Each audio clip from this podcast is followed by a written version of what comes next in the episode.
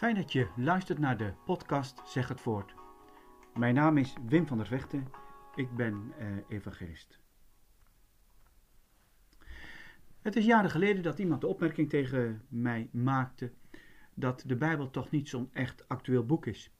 En dat de Bijbel eigenlijk uit de tijd is en dat het dus niet zo zinvol is om in dat boek te lezen en daarin te leven. Toen dat tegen mij gezegd werd, dacht ik, en was er iets in mij wat opriep als, ja, dat kun je wel zeggen, maar eigenlijk geloof ik dat niet. Want ik denk eigenlijk nog steeds dat de Bijbel actueel is.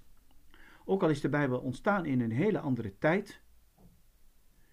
En dat merk je ook als je de Bijbel leest, dat de context waarin de dingen gezegd worden en geschreven worden, dat die anders is.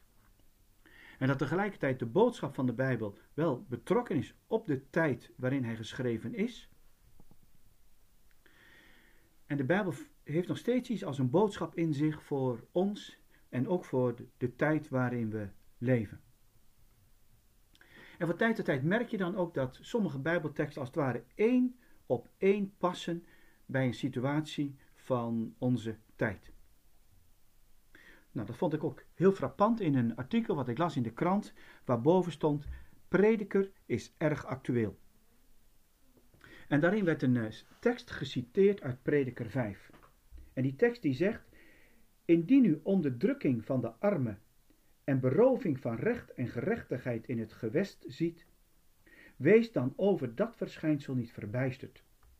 Want een hooggeplaatste let op een andere hooggeplaatste, een nog hoger geplaatsten letten op hen. En met deze Bijbeltekst werd een link gelegd naar de toeslagenaffaire, die de afgelopen tijd heel veel aandacht heeft gekregen. Uh, als je zo'n tekst leest als Prediker 5, moet je misschien ook al heel snel denken aan wat uh, Jacobus schrijft. De zuivere en onbevlekte godsdienst voor God en de Vader is dit: wezen en weduwe bezoeken in hun verdrukking en zichzelf onbesmet bewaren van de wereld. Of een andere tekst uit, uit Micha 6, uh, die zegt: Hij heeft u mens bekendgemaakt wat goed is en wat de Heer van u vraagt. Niets anders dan recht te doen, goede tierenheid lief te hebben en ootmoedig te wandelen met uw God. Zomaar wat teksten die wat tegen elkaar aanzitten en die het hebben over recht en gerechtigheid. En in het artikel in de krant wordt eigenlijk het volgende gezegd. Als je het gedrag van sommige mensen ziet, komt de vraag op of dit soort mensen altijd heeft geleefd. En dit soort mensen, dat wordt dan verder toegelicht in de zin van mensen die betrokken waren bij die toeslagenaffaire. Uit het Bijbelboek Prediker blijkt dat het altijd al zo geweest is met de mensen. Ze zijn door de eeuwen heen blijkbaar niet veranderd.